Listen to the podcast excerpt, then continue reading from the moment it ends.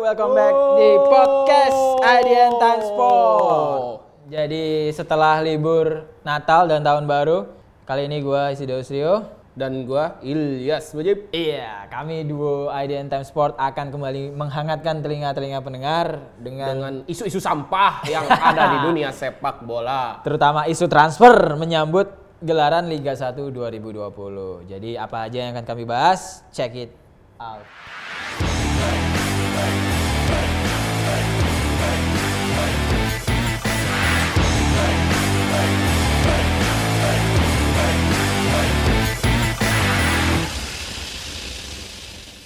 Yo, Ilyas.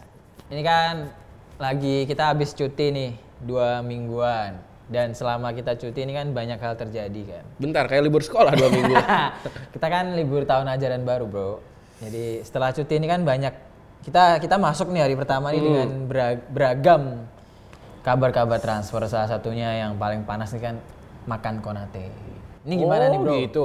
Jadi gini ya, sebenarnya gua kemarin kan liburan tuh ke gunung, Bro. Jadi gua nggak tahu itu isu-isu bursa transfer. Makanya gua pengen dikasih tahu apakah Konate pindah ke Hang Tuah atau gimana gitu kan. Gua belum tahu. Makanya coba dijelaskan dulu nih transfer-transfer sekarang apalagi kan Liga 1. Udah ngomongin transfer dan musim depan, evaluasinya aja belum ada, Bro. Itu dia bro masalahnya. Jadi kan uniknya Liga 1 ini kan PT LIB belum ngeluarin. Kita bahkan belum tahu porsi hadiah yang diterima juara kayak gimana, belum ada laporannya. Tahu-tahu Bali udah dapat 6 pemain. Persib Ibu Nevo. Hebat.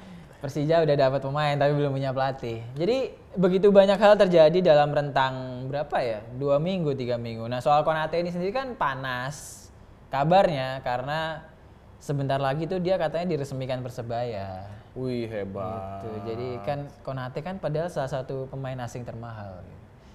Keren banget sih sebenarnya Persebaya kalau beneran dapat. memang, memang. Tapi kan ya kalau kita bahas bursa transfer ini ya sebenarnya banyak banget klub yang memang jor-joran. Ya. Salah satunya Bali. Tapi kan menurut lu jelang katanya kan kita belum tahu nih Liga 1 2020 mulainya kapan. Menurut lu gimana nih manuver-manuver kayak gitu?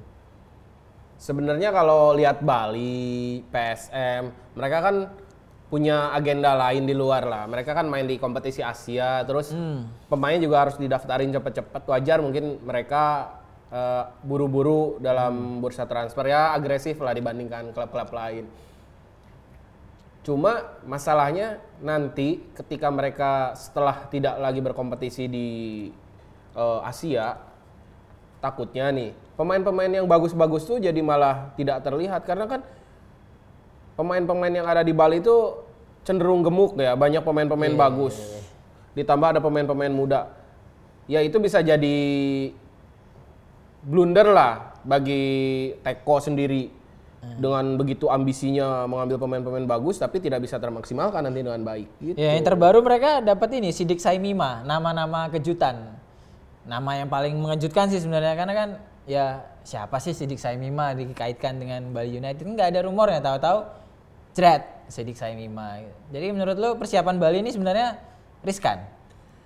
Kalau riskan sih enggak. Mereka juga punya target lah pasti. Makanya kenapa mereka ngambil pemain-pemain bagus.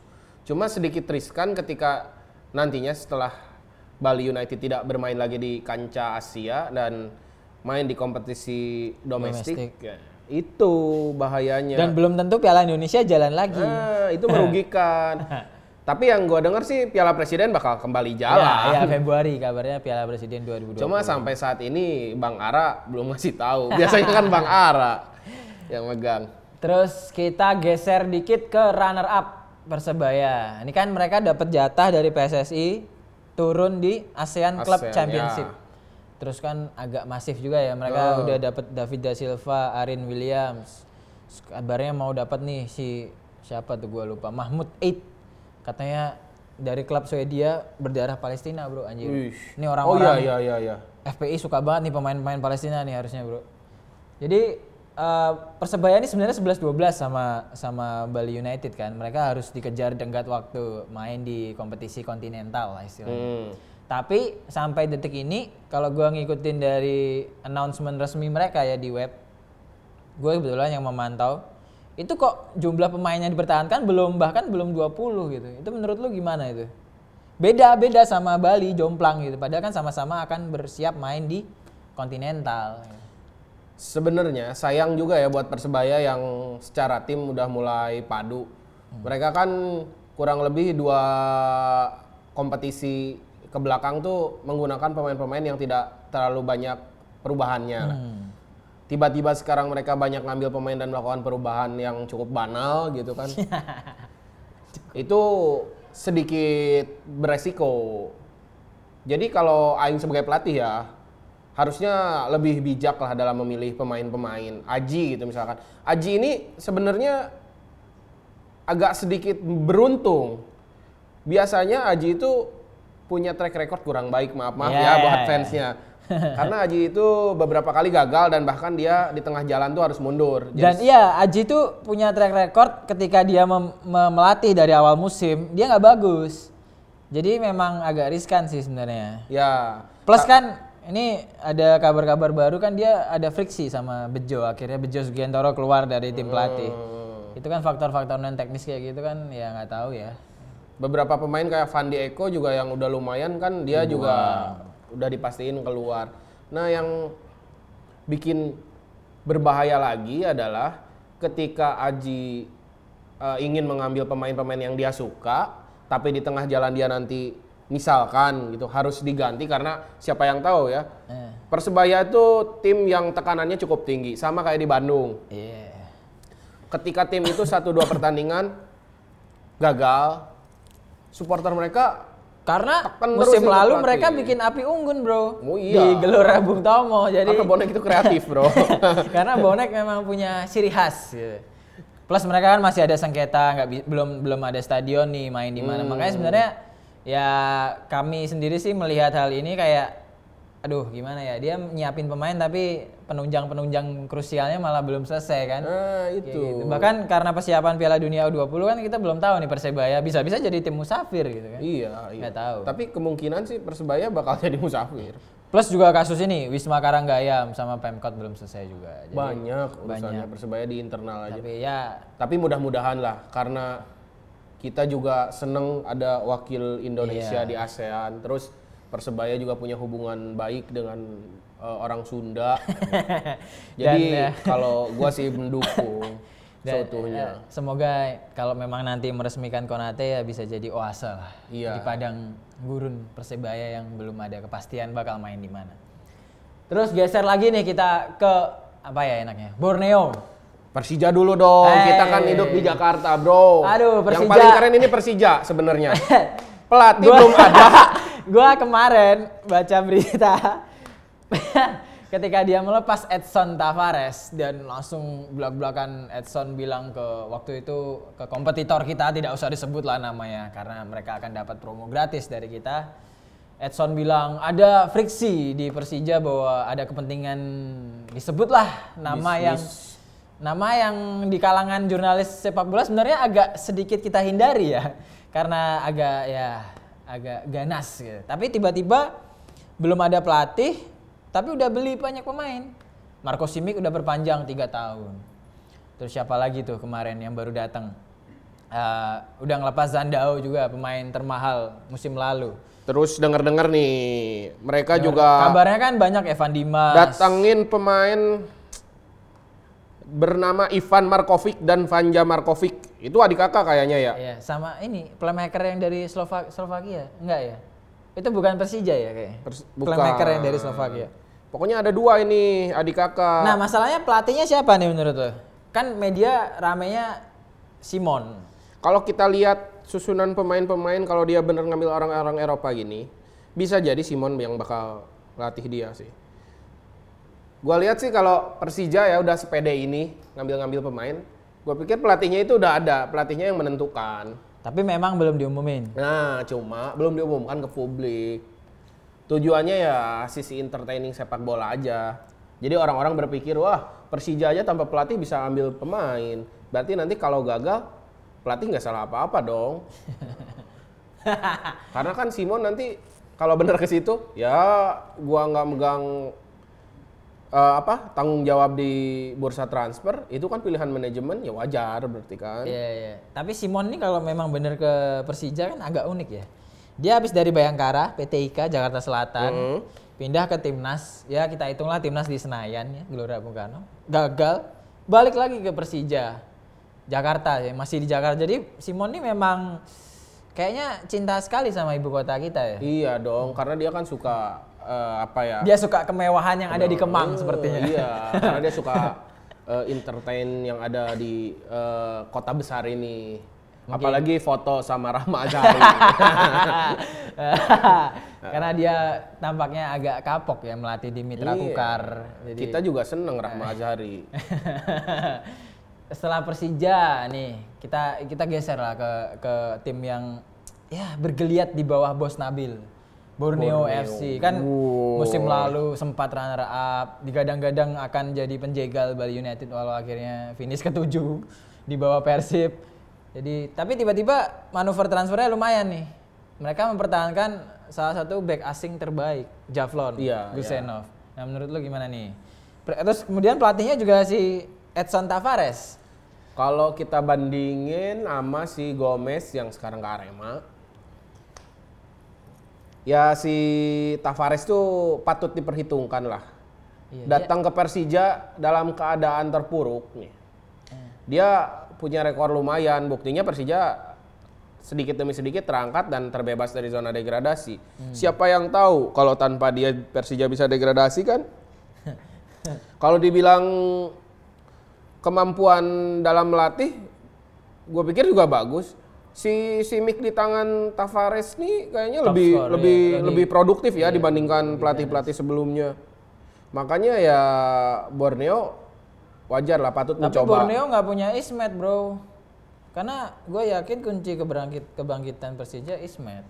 Karena ada Sultan Sama.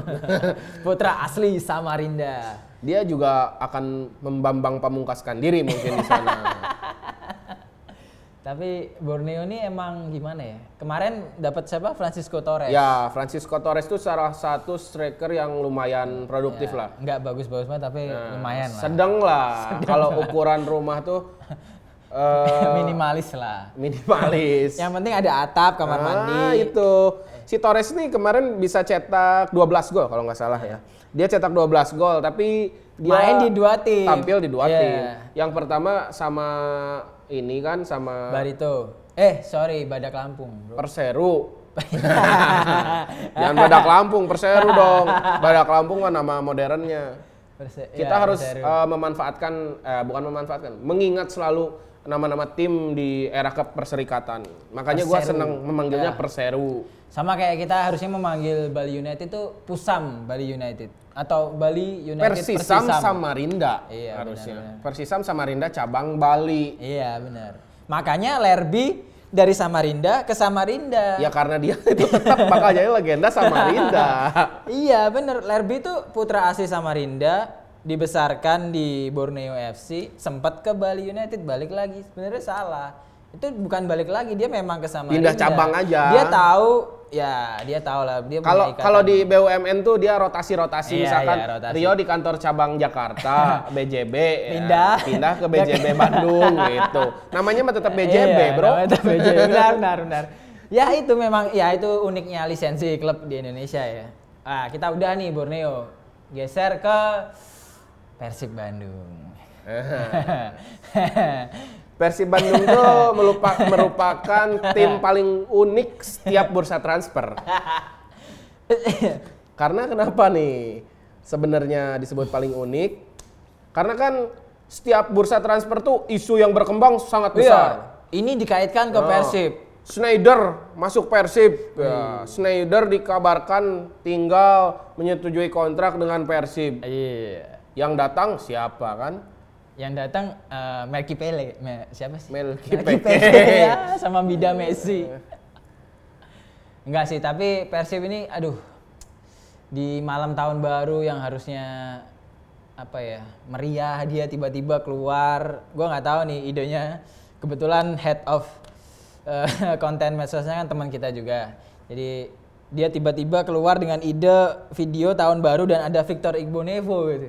Itu kan sebenarnya sesuatu yang agak janggal plus hari ini kan Pak Ya, Teddy bentar. Sebenarnya kalau kayak gitu kejadiannya, si kontennya Persib ini kurang pintar, Bro.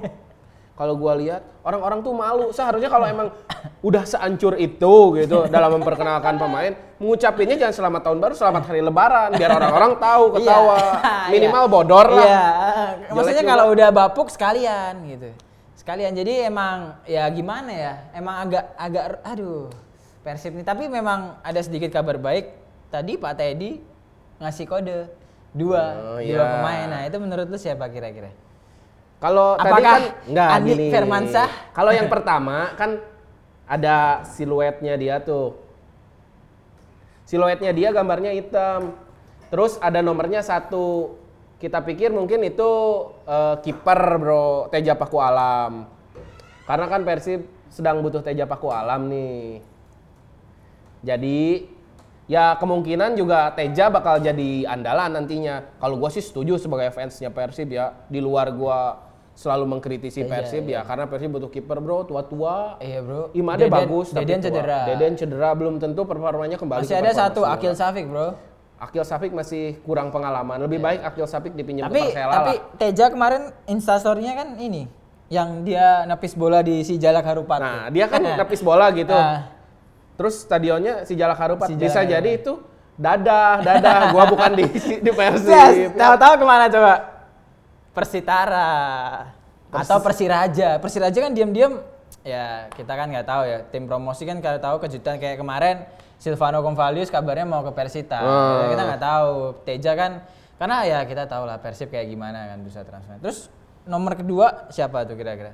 Andi Firmansyah gimana Andi Firmansyah? Ini nih, denger-denger. Ini mah denger-denger aja. Si Persib tuh mau beli pemain yang lumayan udah punya nama, berlabel timnas. Banyak, Ya, yang bro. kosong kan Andik. Rizky Pora berlabel timnas, Bro. Spaso berlabel timnas. Aduh maaf nih, lagi musim hujan. Nggak ada iklan, tadinya gue mau sekalian iklan pakai obat gitu. Cuma ya nantilah nunggu Nanti ya. anak-anak bisnis bisa Iya, tapping iya. ke sini. Nah. Ini eh, tadi ngomongin apa? Gue lupa. Pemain kedua, kode dua dari oh, Bos kode Teddy. dua. Berarti biasanya kalau ada kode kayak gitu kan dia sudah deal dengan pemain itu. Iya. Gue mikirnya Andik karena ya gue pengen aja Andik. Coba eh, kita bertaruh. Andik bukan. Kalau gue sih bertaruh yakin. Andik bakal datang ke Persib. Apalagi eh, Persib butuh dan terbiasa tampil dengan posisi dan formasi 4-3-3 yang membutuhkan pemain-pemain 4231 kan ada Omid Nazari, Bro. Iya, tapi kan 4-2-3-1, 4-3-3 ya Tapi dinamis strike, lah. strikernya belum ada. Eze mau mau pindah. Ya nggak apa-apa, pindah aja jadi model SMA. Kita kalau membicarakan Eze rentan dengan isu-isu yang sensitif. Jadi sebaiknya tidak. Kalau SMA mending jadi model aja, banyak di foto dia. Kasep, King Eze, Bro. Ya, Persib udah. Terakhir apa ya enaknya? Kita Versi diburu- Raja sih, gua pengennya versi Raja. kita eh, sebelum ke Persiraja kita sedikit nih ke ke Persita. Ada Sirvi Arvani. Terus ada striker andalan Mane, Diego Banowo.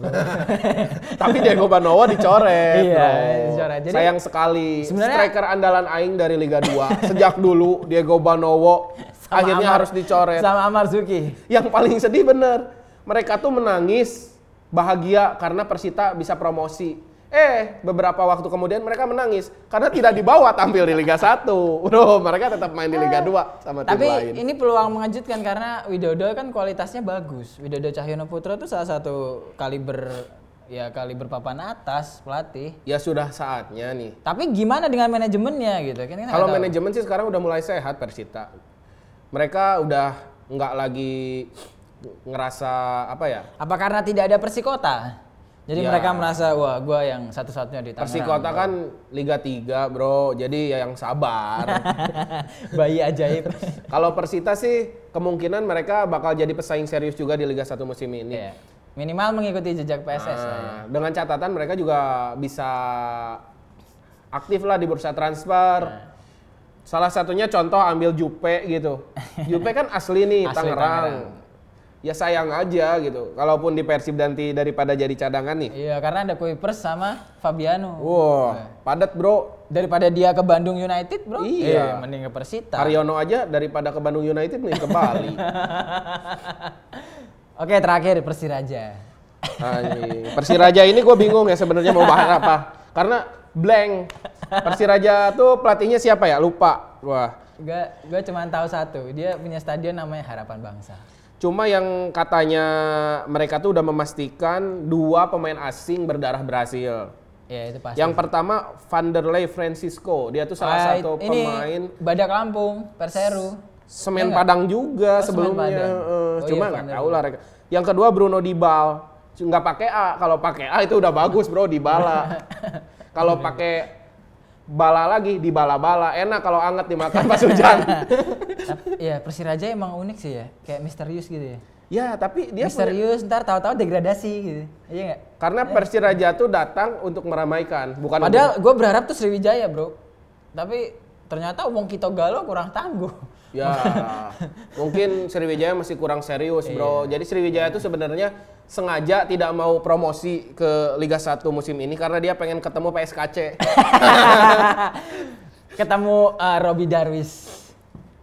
Ya, ya sih Persiraja, Persiraja memang layak diantisipasi karena kekuatannya begitu misterius. Mengingatkan kita akan perseru-serui. karena gini nih, dari dulu tuh tur yang paling ditakuti sejak Liga Indonesia Sumatera. Ligina adalah tur Sumatera karena turnya panjang dari Bandar Lampung, Deli Serdang, Terus Medan, dulu ada ini mana PSSB Biren, Biren, Terus ada sampai Persiraja. ke Persiraja. Nah Persiraja ini pasti punya apa ya? Punya Ntar dikit lagi kita ngelawan Sarawak. punya kemampuan yang bagus kalau mereka tampil di kandang. Gue yakin Iya, mereka jago iya. kandang. Kalau tandang kalah. lah udah. Seenggaknya ya mereka menyulitkan tim-tim kayak Bali, terus PSM, Madura yang udah punya yang udah kelihatan gitu kan mereka Hmm. pengen jadi juara. Di sana nanti kalah kan enak. Tapi uniknya gini, mereka kan Persiraja di Banda Aceh. Bayangin Marco Simic tandang ke Banda Aceh. Marco Simic dengan ya gairah dia yang gimana ya pemain asing. Dia pernah ada skandal dengan ya cara mengalahkan Persija di Persiraja nanti ya masyarakatnya harus demo. Kita tolak Marco Simic gitu. Iya, Karena Marco Simic pernah terlibat kasus kita yang berhubungan dengan pelecehan. Iya, Kita tidak mau orang-orang seperti itu datang karena itu bumi serambi Mekah. Iya. Kita harus menegakkan Islam, Bro. ke makanya Di bumi serambi Mekah. itu salah satu caranya. Mungkin Persija mau karena kan bahaya juga. Iya udah, oke. Sementara karena yang lagi rame kan itu itu Nih, gua, aja. gua mau nanya nih terakhir kalau dari sisi pandangan lu gitu, ngeliat tim-tim yang sekarang eh, terlibat di bursa transfer, ngeliat persaingan semuanya, siapa sih yang berpeluang bakal berada di lima teratas Liga 1 2020 nanti? Eh, satu Bali United bro, juara bertahan. Dua Persebaya. Tiga kita belum bahas ya tadi PSM ya. Ya. Bentar lah. Tiga Persija sih kayaknya.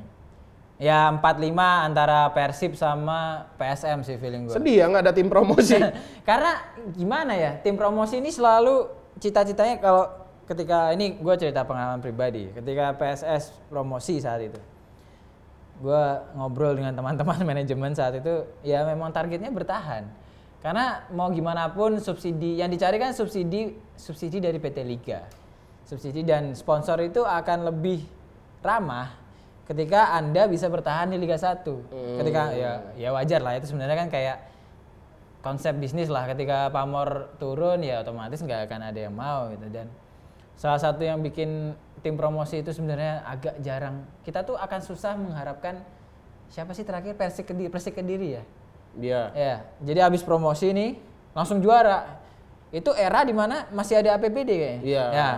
Jadi setelah tidak ada APBD dan klub dipaksa jadi kan nggak semua klub itu udah bisa jualan. Kayak, kayak kita tahu kemarin Persib media visit. Ya kita baru tahu ya nggak semua tim akan punya pemandangan eh, pandangan soal bisnis seperti Persib katakanlah. Itu itu satu. Yang kedua ya tim promosi kalau mengulang jejak Sleman dari tiga tim yang promosi ini susah bro kita udah bahas sih tadi Persiraja diem-diem baik Persita ya Diego Banowo aja dilepas bro Eh, terakhir siapa satu lagi nih yang promosi Persita Persik Kediri Persik Kediri ini ada sebenarnya backnya ba- jago nih Risna sama Alex Dodi Dodi siapa? Yang masuk timnas SEA Games. Oh, oh, iya kan Dodi- dia Dodi. pindah, Bro. Itu dua-duanya pindah ke Madura, makanya gua nggak paham nih tim promosi ini harapannya apa gitu? Melepas pemain terbaik nggak beli pemain lagi. Karena Persik Kediri itu masih mengadakan musikan. sama Haryanto. Itu legend, Bro. sama Sulis Budi Prasetyo. Kipernya siapa ya? Ini gue lupa. Hamka Hamzah backnya. oh iya kebetulan Hamka kan cabut dari Arema. Apakah akan ke Stadion Brawijaya Hamka Hamzah Bisa menutup, jadi. menutup karir Hamka Hamzah kan oportunis bro, sampai tua pun dia harus mencari klub lah. Kalau kata gue sih untuk tampil di tim-tim promosi kayak Hamka Hamzah, terus si apa Ahmad Prianto masih layak lah. Iya BP sebenarnya juga masih layak bro di Persita Tangerang Ah. Mereka dia kan jadi bisa mimpin teman-teman di lapangan. Daripada pensiun dari Persija mending BP ke Persita sih menurut gue. Iya. Jakarta Tangerang masih ya Jabodetabek lah ya kan. Dia tetap akan dianggap pahlawan ibu kota. Gua sih pengennya Persita naik lagi bro. Persita bakal jadi tim berbahaya lagi. Iya. Ilham- Sir- Ilham Sirvi Arvani bakal menembus dominasi striker-striker asing di 2020 dan bakal jadi top satu-satunya top skor pemain dari dari, Dari lokal, gitu. Iya. Karena selama ini biasanya kita bergantung sama Samsul Arif Iya, nggak ada lagi. sama Dedik Drogba. Dedik Iya. Drogba cedera. Lerby juga naik turun lah. Karena Lerby ini terlalu fokus di pusam. Susah. Tapi memang ya Persita sebenarnya punya sejarah manis ya sama Ilham Jaya Kesuma. Ya, Jainal Ikhwan sebenarnya ya kalau Widodo dan manajemen pengen niatnya lebih sebenarnya lebih. Tapi rumornya kan mereka Silvano Convalius tuh. Iya, makanya gue pikirnya yang paling berpotensi untuk eh, jadi tim kejutan ya paling Persita. Hmm. Secara keuangan ada, dukungan supporter juga banyak. Dan terus dekat dari ibu kota. eh, apa ya? Pilihan pemain untuk bisa tampil di kota-kota besar ya realistis di Persita sih. Hmm. Mana mau nanti si Kompalius main tapi di Banda Aceh, Bro. Wah, Kompalius nggak bisa Ntar happy-happy. keluar nggak boleh pakai celana pendek harus sarungan bro susah. Kompalius harus Itu itu sebenarnya jadi tantangan seru Persiraja dia punya pemain asing tapi cara hidupnya ngikutin bumi Serambi Mekah gitu. Jadi agak mungkin kita jadi ide tulisan yang menarik tuh sepertinya. Iya. Sisi religi harus tetap ditingkatkan. Kayak kata Daniel Rukito. Daniel Rukito. Daniel Rukito tuh secara permainan udah bagus, cuma kenapa hasil jelek? Mungkin sisi religi kita yang masih kurang. Itu pelatih the best. Harusnya Iya, timnas di iya, situ tuh iya, iya, pelatihnya. Daripada Sintayong. Sintayong apa penyanyi Korea apa? Sintayong, Sintayong. Tapi ya semoga apa ya rumor-rumor bursa transfer ini membantu page view kita salah satunya dan membantu page view teman-teman di media sepak bola karena ya momen-momen kayak gini kan cuman putaran kedua ya paling ada lagi. Iya, tapi nggak seseru. Iya, putaran kedua kan paling bongkar pasang doang. Kalau ini kan memang benar-benar dibangun dari nol Kalau jadi kalau putaran dua paling eh, ganti pemain asing doang. Iya, kayak ya biasalah Indonesia nggak puas. Indonesia ini memang kulturnya selalu tidak pernah bersyukur. Jadi tapi wajar lah, karena tujuannya juga kompetisi. Kompetisi mah siapa pun pengen menang, bro. Iya, Apa pun tapi- caranya. Tapi meng- tidak menghargai kontrak sayangnya seperti ya itu. itu urusan hukum lah, beda Iya. lagi. Kita cuma bisa berkomentar dan bisa mengkritisi. Kalau tanpa ada masalah, apa yang harus jadi berita, bro? Benar juga. Bad news is a good news, bro. Iya, Kita makanya tutup aja apa ini podcast tutup ini? aja karena Oke. masih banyak bahasannya. Masih- Sayang dong. Nih dengerin nih teman-teman yang lagi, belum juga dengerin podcast ini, Iya. sayang loh sebenarnya. Ini episode terakhir kita. Iya. Mungkin minggu depan kita akan nggak akan ada. Kita kan sempat kan libur nih tiga minggu. Sebenarnya selain libur juga kita dievaluasi karena kok kalian kayak gini gitu. Jadi kalian harus dengerin sebelum edisi ini tutup. Iya. Jadi belum tentu edisi minggu depan Iya. bakal ada bahas transfer pemain, Bro. Iya belum tentu Selasa depan akan ada suara Ilyas lagi bro. Siapa Iya. tahu dia kelelep bro, dayu kolot bro. Cijerah aja kemarin hujan, dia menolak cijerah hujan. Banjirnya satu dada, Bro, di Sijerah. Ya. Cuma kalau lagi tiduran. ya udah kita tutup aja kali ini. Eh, jangan lupa dengarkan podcast IDN Time Sport khusus bursa transfer yang akan tayang ya Selasa, Selasa pagi insya Allah. Karena kita sedang berburu dengan waktu juga. Oke, gua Isidro Oke, Studio pamit. Gua Ilyas, Sampai jumpa ya kalau minggu kalian- depan ya kalau masih diberi kalau kesempatan. masih diberi kesempatan. Bye. Dadah. Uh. Uh.